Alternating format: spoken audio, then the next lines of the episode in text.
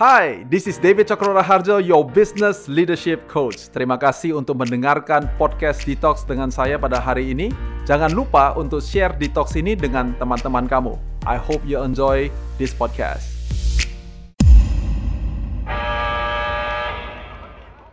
So the question is, yang pertama adalah ada ada teman-teman kita yang tanya nih, uh, banyak dari para bos-bos di, di beberapa perusahaan itu mereka nggak friendly gitu mereka mereka kayak they just being a boss gitu. Tapi some of us inginnya adalah supaya kita punya temen yang um, kita punya bos yang actually friendly. Nah boleh nggak di share sedikit? Gimana seperti itu?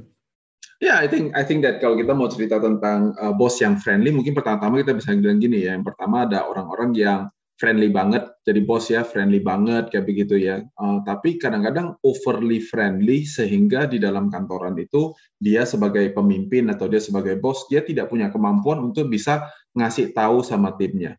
What happened? Kalian bisa pikirkan ini dalam konteks kantor kalian atau dalam kepemimpinan kalian sendiri. Kalian mesti berpikir adalah kalau semuanya ada yang salah di kantor kita, apakah kalian kelewat dekat, kelewat friendly, kelewat uh, family banget gitu ya. Sehingga kalian sugarcoat everything. Kalian nggak bisa nggak mampu untuk kasih tahu sama orang itu bahwa uh, ini salahnya elu gitu. Ini adalah responsibility-nya elu gitu ya kan kita mungkin bilangnya adalah oh oke okay, the pro the prosesnya agak lacking ya atau kita bilang uh, apa nih somehow kok kayaknya ada yang kurang ya atau uh, you know ini adalah mungkin nggak ready untuk prime time you know jadi kita sugar coat kita sugar coat semuanya kenapa karena kita terlalu dekat dan kita adalah friend daripada timnya kita Right? Ini adalah approach yang uh, dilakukan oleh beberapa pemimpin dan itu adalah kelemahannya. On the other way, tentu kita juga punya beberapa orang yang begayanya bossy banget gitu ya. Jadi kalau semuanya dia masuk ke dalam kantor, uh, motonya apa ya? Motonya cuman bukan just do it, tapi adalah just say uh, just uh, just say it gitu ya. Jadi kalau semuanya ngomong tuh ya ngomong aja gitu. Karena kenapa? Baunya ngebos banget. Uh, saya adalah yang gaji kamu, saya adalah bos kamu. Jadi kalau saya mau ngomong apa ya saya ngomong apa aja. Masalah kamu mau tersinggung kek, mau apa kek, who cares? Kira-kira begitu right? Nah kelemahan kalau kalian adalah tipe seorang pemimpin yang bossy abis yaitu adalah kalian jadi nggak bisa di approach jadi kita nggak bisa terima feedback. And you know this kalau kalian sudah sering uh, kumpul sama saya you know this bahwa adalah feedback daripada tim kita itu yang membuat kita bisa nyebrang dari idenya kita sampai ke eksekusi We've said this many many times. John Maxwell suka mengatakan bahwa adalah jurang pemisah terbesar di dunia ini bukan antara orang kaya dan orang miskin. Jurang pemisah terbesar di dunia ini adalah antara sebuah ide dengan sebuah eksekusi atau sebuah eh, apa namanya eh, program yang bisa dijalankan. Nah, jembatannya yaitu adalah orang-orang yang ada di sekitar kita. Now, if you are somebody that yang gayanya bossy banget, your slippery slope, tempat yang kita sering jatuh, yaitu adalah jembatannya nggak nyampe. Kenapa? Karena orang-orang di sekitar kita menjadi semuanya cuma begini, yes boss, gitu ya, cuman yes sir, yes ma'am. Kita nggak lagi punya kemampuan memberikan kepada mereka kapasitas atau kemampuan atau kesempatan untuk mereka bisa bicara sama kita. Dia nggak bisa bilang adalah, well, uh, kalau begini gimana? Uh, kalau begini bagaimana? Kita nggak bisa gitu. Kenapa? Karena kita overly bossy. So between this you know, friendly sama bossy, harusnya kita maksudnya bagaimana? Kita harusnya mesti jadi friendly boss atau kita mesti jadi uh, bos yang friendly. Nah, ini menjadi bahasa-bahasa yang sering sekali dipakai di dalam dunia manajemen.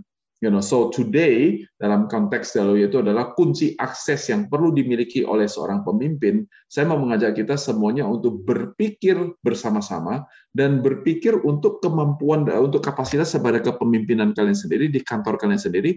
Apa sih gimana sih caranya untuk saya bisa manage orang-orang yang ada di dalam tim saya? Are you ready? Right? Ada tiga hal seperti biasanya yang kalian harus perhatikan. Yang pertama yaitu filosofinya ini. I am here for business. Saya lagi ke sini nih, tujuannya adalah untuk berbisnis. Jadi saya ke sini bukan untuk cari teman, saya ke sini bukan untuk uh, punya kehidupan sosial, untuk punya komunitas. That's not. I am here for business. Nah, if I am here for business, tergantung kalian mau pakai bentuknya apa. Ada orang yang masih pakai KPI sebagai contohnya, berarti ada indeks yang perlu dipakai. Key Performance Index. Oke, berarti ada indeks, ada sesuatu yang mau diukur. Kalau kalian pakai OKR, sama, R-nya singkatan daripada result. Berarti hasilnya ada. Jadi kita datang ke sini ngapain?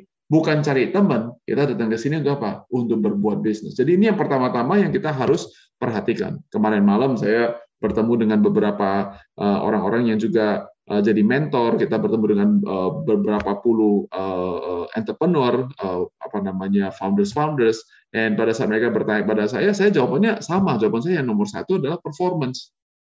Kenapa? Batas standar yang paling bawahnya itu apa? Performance. Itu apa? OKR-nya, KPI-nya. Kenapa? Karena kita bangun perusahaan ini to score, to uh, mencapai tujuannya kita. Jadi ini harus yang menjadi yang pertama-tama terlebih dahulu. Nah, jadi kalau kita udah ngerti ini, ini, ini yang kita mau lakukan, berarti di dalam perusahaan kita supaya garis uh, antara uh, teman dengan menjadi seorang pemimpin atau menjadi seorang bos itu bukan menjadi jurang atau sehingga dia gak bisa bertemu dengan kita atau kita kelewat dekat dengan dia. Artinya kita want to put that two sentence together. Dan cara put it together-nya dalam konteks bahwa I am here for business yaitu adalah kita harus punya skor. Harus ada nilai yang dipakai yang semua orang bisa mengerti dan bisa dipakai untuk semua orang. Jadi fair. Jadi bukan karena saya sama Wayne kita dekat atau saya sama Arfan dekat. Oh, karena itu kita cara hitungnya ya nanti kita pikir aja sendiri. Nggak ada cara begitu, semuanya mesti sama. Dengan cara demikian, kita membangun sebuah kepercayaan, kita membangun sebuah standar yang sama yang bisa dipakaikan untuk semua orang. Now, here this is what is important. Bukan cuma standar yang bisa dipakaikan antara tim A dengan tim B, dengan employee C dan employee D dan employee A, tapi juga dengan standar yang sama yang bisa diukurkan kepada saya sebagai pemimpinnya.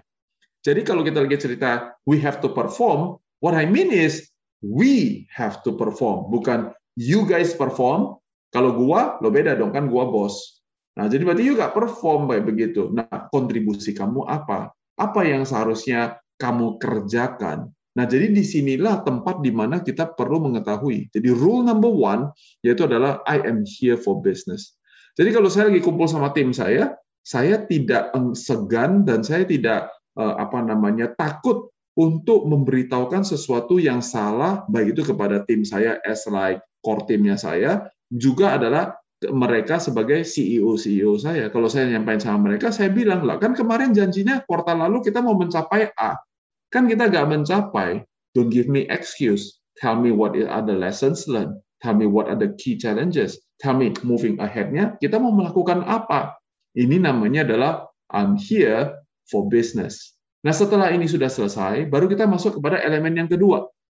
Elemen yang kedua yaitu adalah relationship above result. Jadi yang pertama, I'm here for business. Tapi yang kedua, selalu ingat bahwa relationship above result.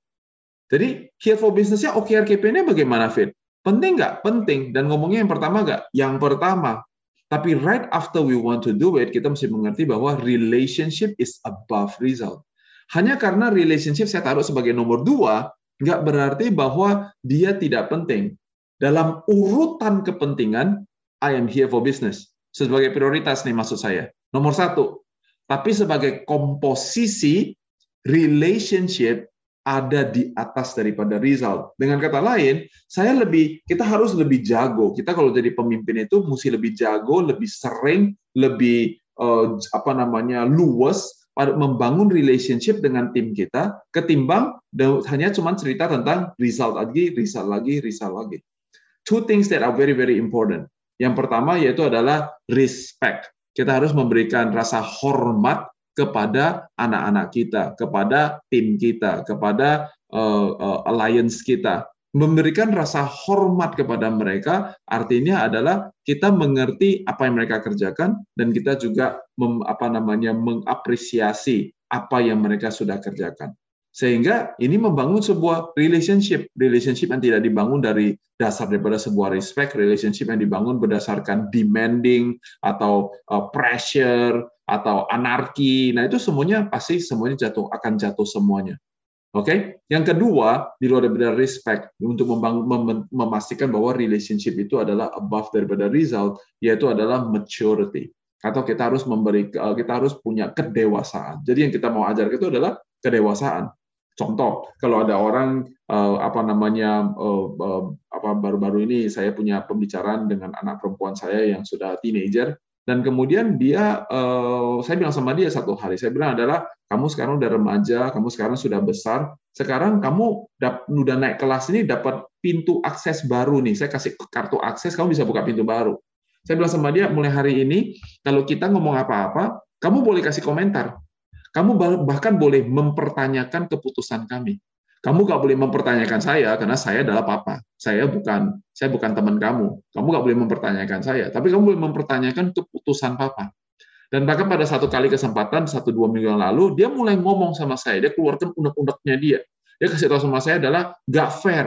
Masa adik yang salah, tapi saya juga begini. Kalau begini juga begini. Dan saya Nah, saya memberikan kepada dia respect. Saya nggak langsung bilang begini. Nah, kan karena begini. Nah, you give her the respect. Kita bilang, kamu sekarang sudah remaja. Kamu sekarang sudah jadi dewasa muda. Jadi kamu boleh mengeluarkan opini kamu, bahkan kamu boleh mempertanyakan keputusan-keputusan kami. So you have to give him the respect. My question for you adalah di dalam kantor kita, kita punya anak buah, kita punya partner, kita punya supplier dan semua, udah pasti bukan anak kecil umur 14 tahun.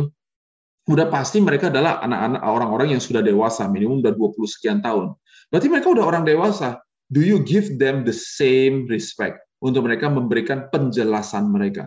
Nah, ini yang kadang-kadang jadi susah. Jadi kita OKR-nya nggak kena, KPI-nya nggak kena, and I am here for business. Itunya jelas. Tapi karena kita tidak tahu relationship-nya above the result-nya, above OKR KPI-nya, kita punya kecenderungan cut dia dan kita tidak memberikan hormat yang seharusnya kita berikan pada dia. Kasih mereka kesempatan untuk boleh mengutarakan apa yang menurut mereka. Nah, sama seperti dengan anak saya, kita masuk ke level yang kedua, relationship kita nggak mau kekanak-kanakan. Ini yang terjadi di beberapa kantor, terjadi di beberapa tim. Kita saking relationshipnya above the result, habis itu nggak ada pakai I'm here for business lagi. Makanya semuanya fall apart. Sometimes you respect your people too much, sampai mereka membuat mereka menjadi kekanak-kanakan. Saya memberikan respect, tapi di balancing satunya lagi, saya mengajarkan maturity. Maka saya kasih tahu sama anak perempuan saya, saya bilang adalah Rachel, kan kamu ini anak pertama saya atau kamu adalah anak kedua saya atau anak ketiga saya? Dia bilang, oh saya anak yang pertama. Dia bilang, oke. Okay. Sekarang you tahu nggak, kalau zaman dulu kita ini yang keluarga etnisnya masih uh, uh, Chinese kayak begini, yang totok-totok kayak begini, itu biasanya laki-laki dianggap satu, perempuan dianggap setengah. Jadi walaupun kamu adalah kakak pertama, kamu adalah anak sulung, tapi adik kamu yang nomor dua itu yang dianggap satu, kamu dianggap setengah karena kamu apa? Kamu perempuan. Nah, menurut kamu di keluarga kita ini, um, apakah saya adalah seorang ayah yang meletakkan kamu sebagai number two, just simply because you are a girl? Dia bilang, oh of course not. Jadi saya tanya, berarti menjadi kakak tertua di dalam keluarga, kamu lagi sedang memberitahukan pada saya bahwa kok saya dikasih beban kayak begini sih? Saya mau nanya, kamu lagi dikasih beban atau kamu lagi dikasih privilege? Lagi dikasih ini adalah your your your your honor atau ini adalah menjadi sebuah beban buat kamu. Dan di sana dia langsung mengeluarkan air mata dan adalah oh it is a privilege papa. There you go. Itu namanya maturity. Ini yang dimaksud dengan relationship above result. Tapi perhatikan sekali lagi, saya tahu saya udah ngomong minimum empat kali atau lima kali, tapi supaya kalian nangkep. If you gonna be a great boss, you have to understand that nomor satunya bukan relationship above result. That's why a lot of people get it wrong. Yang pertama adalah I'm here for business. I am your boss. I am your leader. If I meet you, we talk about KPI. We talk about OKR. I want to talk about the scorecard. I want to talk about hasilnya apa. Tapi kita nomor duanya adalah relationship above result. Dan lebih banyak membangun relationship. Untuk melakukan itu, pertama-tama saya sebagai pemimpin yang harus memberikan rasa hormat itu kepada orang-orang saya. Dan pada saat mereka berinteraksi dengan saya, di poin nomor dua ini, saya perlu imbangi dengan kedewasaan. Nah ini, dalam dua poin ini, kalau masih kurang clear lagi, that is the reason why kita melakukan leadership coaching. Karena dua-duanya ini cerita tentang kepemimpinan. Seorang pemimpin yang dewasa, seorang pemimpin yang kuat, dia tahu kapan untuk mengatakan adalah, eh gak bisa. Ini bisnis. Ini bukan social club. Tapi dia juga adalah seorang pemimpin yang bisa meletakkan relationship dengan dia punya tim di atas result yang sedang diharapkan. Nah kalau dua ini sudah terjadi, dua ini by the way adalah sebuah ilmu pengetahuan It is a science. Oke. Okay? Nah, setelah ada science seperti biasanya, baru sekarang menjadi sebuah artwork. Udah gak perlu diukur-ukur lagi karena sudah pakai feeling, udah pakai insting. Nah, di sini nomor tiganya yaitu adalah chemistry itu adalah sopir atau adalah driver daripada segala sesuatu yang ada di dalam kehidupan kalian. Bisnisnya kita ya tiba-tiba jadi jalan itu kenapa? Karena ada chemistry yang ada di dalamnya chemistry yang ada di dalamnya ini artinya adalah timnya kita mereka bisa nangkep apa yang ada di dalam pikiran saya tentunya itu namanya I'm here for business tapi dia juga bisa nangkap apa yang ada di dalam hati saya nah ini tidak ada barometernya ini nggak ada alat ukurnya ini nggak bisa kita hitung-hitung ini mau nilainya 10 atau 20 atau 100 nilainya A atau B atau F nggak bisa this is not something that can be measured This is something that can be felt by your team. Dan ini yang kita sebut dengan kata chemistry. Kita nyambung gitu. Karena kenapa? Karena kita menjelaskan. Bahkan pada saat kita berdebat mungkin itu yang membangun chemistry di dalam tim kita.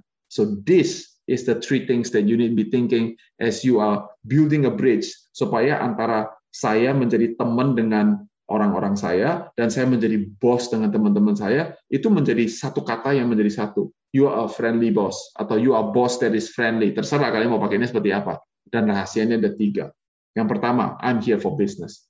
Yang kedua, relationship above result. Dan yang ketiga adalah chemistry that drives everything. Nah, plus one saya hari ini adalah sesuatu yang saya sering lakukan bersama dengan uh, para CEO saya atau dengan tim saya. Pada saat saya mau menyampaikan sesuatu kepada mereka, instead of saya bilang begini, tadi ya yang pertama yang biasanya orang lakukan, kita sugar coated. Oh, udah bagus bro, udah bagus. Wah, oh ini jujur ngomong sih bagus. Ya kalau ada kurang ya begitulah. Semua orang juga juga butuh for improvement. Jadi kita sugar coat everything. Kalau yang bossy bilangnya begini, ya gue gak suka ya. Gue rasa ini masih ada tiga hal salah, ini salah, ini salah. Wah, wah, wah. jadi very bossy. So how do you then apply it in your daily office activity? This is what I do. Jadi kalau saya lagi contohnya lagi sama Wayne kayak begitu ya. Saya bilang begini waktu dia ngomong-ngomong-ngomong-ngomong-ngomong, kan tadi saya udah respect dia ya, kasih dia kesempatan untuk berbicara udah semua. Nah, waktu saya ngomong, cara saya ngomongnya begini. Saya bilang begini, Wayne, as a friend, ah ya, as a friend atau saya bilang gini, as kita sama-sama laki-laki, kalau saya bilang gini, as sesama suami atau gini, as sesama manager, nah, gua ngerti lu So I am a friend when I say as your friend, saya jadi temennya Wayne. Maksudnya sebagai sesama laki-laki saya bilang, you know, saya lagi ngomong sebagai teman. Saya bisa memvalidasi frustasinya Wayne sebagai teman. Saya bisa mengatakan bahwa adalah saya ngerti kenapa itu susah. Saya ngerti kenapa uh, ini belum selesai sesuai dengan perjanjian kita. Saya bisa mengerti. So I can validate. Saya bisa memvalidasi perasaan dia dan uh, frustasinya dia kalau memang ada. As a friend, tapi kemudian ada bagian yang kedua. Yang bagian kedua, saya katakan, as your boss, as your leader, as the head of this family, nah saya kasih tahu, saya tetap tidak bisa terima. Karena, coba you bayangkan, Wayne, kalau kita selalu miss kita punya deadline, KPI kita tidak tercapai, lantasan lagi ngapain kita lagi sama-sama di sini? Nah, so you see, I do it like that. Jadi, as your friend, kita isi fill in the blank, and then kita bilang, as your boss, kita fill in the blank. When we do it, we are validating both things. Kita lagi validasi, kita bilang begini, Wayne, you are my friend. Our relationship matters. Tapi pada saat kita bilang, as your boss, as your leader, kita lagi bilang begini, but bro, ini bisnis bro, ini bukan social club. You're my friend and I love you like my own brother. Tapi bro, kalau cara kerja kayak begini, sebentar lagi gua pecat bro. Nah, kira-kira begitu. See, because you are doing this, chemistry yang tadi saya lagi bilang, itu jadi menjadi sesuatu yang bagus. Now, kalau kalian belum kebiasaan melakukan ini, atau kebiasaan kalian masih begini, salah satu, either I am the friendly guy, atau I'm the bossy guy. Take it or leave it. Atau kita selalu itu. Maka kalian mulai harus belajar. Nah, bentuk yang saya baru kasih ini, kalian bisa campur-campur. Contoh, saya bilang gini, Win, sebagai teman, ini gini-gini gue ngerti lah Win, sama gue dulu juga begitu. Waktu gue umur selu, bro, sampai dua tahun yang lalu bro, gue masih kayak lu bro. Oke, okay, as your friend. After that gue bilang, as your boss. Gue bilang, tapi sebagai pemimpin lu, gue kasih tau sama lu, gue ada tiga hal yang lu mesti lakuin bro. Kenapa bro? Karena gue udah pernah lewatin. Nih, tiga hal lu mesti kerjain. Ini, satu, dua, tiga. Lu ngerti gak? Ngerti? Ayo coba repeat. Salah bro, bukan. Yang nomor tiganya bukan begitu. Nomor tiga itu maksudnya begini. Ngerti gak bro? Yang ngerti. Nah, supaya kita, let's say you are very friendly guy, right? You are friendly boss. Nah, setelah kita as your friend, as your boss, masuk lagi as your friend. Masuk gini lagi. Tapi sebagai teman sih, gua ngomong sama lu, gua ngerti banget, bro. Gua gua beneran nih, sumpah mati, bro. Gua pernah lewatin kayak begitu. Gua tahu sakitnya kayak apa, gua tahu susahnya kayak apa. Itu as a friend. Okay, so when you do it, you're softening the blow as you're already used to being more a friendly type of a leader tapi tetap harus ada elemen di ngomonginnya. Now, here's what a lot of people normally nangkep dari saya, yaitu adalah ngerti bro, ngerti bro. Jadi uh, maksudnya kita nanti ya mesti nunjukin kayak friendshipnya gini-gini ya. Nah, you are missing the point. Nah, makanya saya mau kasih tahu sekarang. You actually have to use the word as I describe it to you. Saya saya saya nggak pernah missing it. Saya bilang gini, bro, sebagai sesama suami, gua ngerti yang lo lagi lewatin. Saya ngomong. And then kemudian tapi sebagai pemimpin, I gotta say something else, bro. Menurut saya, you are just being a weak, weak, weak husband right now. You're not a real man. A real man will not step so low hanya gara-gara ada tantangan kayak begitu. You gonna step up to the game. You know what to do. You know what's the habit of a leader. Dan saya mulai coaching, dan saya mulai mengajar, dan saya mulai bahkan rebuke atau marahin atau memberikan instruksi makanan yang keras. Nah, kata di depan ini, kalau kalian belum pernah coba, itu adalah kata yang sering orang anggap gak penting. Itu sebabnya pada saat lakukan sesuatu, selesai daripada pembicaraan itu, banyak orang yang tersinggung, atau banyak orang yang udah kalau tersinggung, obviously you're overly bossy, atau yang kedua adalah sudah selesai meeting, dia masih gak merasa bahwa there is anything wrong with what he does. Dia beneran gak rasa apa-apa. Dia pergi kalau istrinya atau suaminya, saudaranya, orang tuanya nanya, Gimana tadi meeting sama bos? Dia akan bilang adalah everything's okay. Jadi padahal kita kasih feedback, but it's so soft that he go home, dia bahkan nggak tahu bahwa dia baru dimarahin. Dia baru dibetulin sama bosnya dia. And then you wonder kenapa tiga bulan kemudian dan tiga tahun kemudian perusahaan kalian masih gak ke mana-mana. Because your people are all softy. Your people doesn't even know what to improve. That's why ini adalah sebuah kunci akses yang penting sekali. Ya, jadi ini adalah uh, tricks and tips yang saya sudah lakukan di dalam bisnis saya di mana-mana, termasuk obviously dari tadi saya terus mention Wayne, Wayne kayak begitu. Wayne sekarang udah sama saya kira-kira satu bulan. Uh, ya sudah pernah kena apa namanya tembakan uh, atau kena tapak sakti dari David gitu, lemparan bom granat, fire in the hole, you know things like that. But you see, even after we have done it, I can still genuinely tell you that he is my friend. I love him like my own brother. And tapi I'm clear. I am clear when it is wrong, it's wrong. When I have to say something, I will say it. Nah, mudah-mudahan ini contoh-contoh yang semua saya kasih ini membantu kalian untuk mulai reframe uh, cara kalian untuk manage tim kalian. Sekali lagi tujuannya apa? Memang you build the business to get somewhere. Alright, so I hope this is useful. Thank you for listening to Detox with David Chokro Raharjo. Please share this podcast to all social media that you have. Kalau kamu mau tahu lebih banyak tentang Coach Diti, kamu bisa cek description box dari Detox ini atau go to our website di www.davidcokroraharjo.com. Dan jangan lupa untuk follow Instagram Coach Diti di @dtjokron.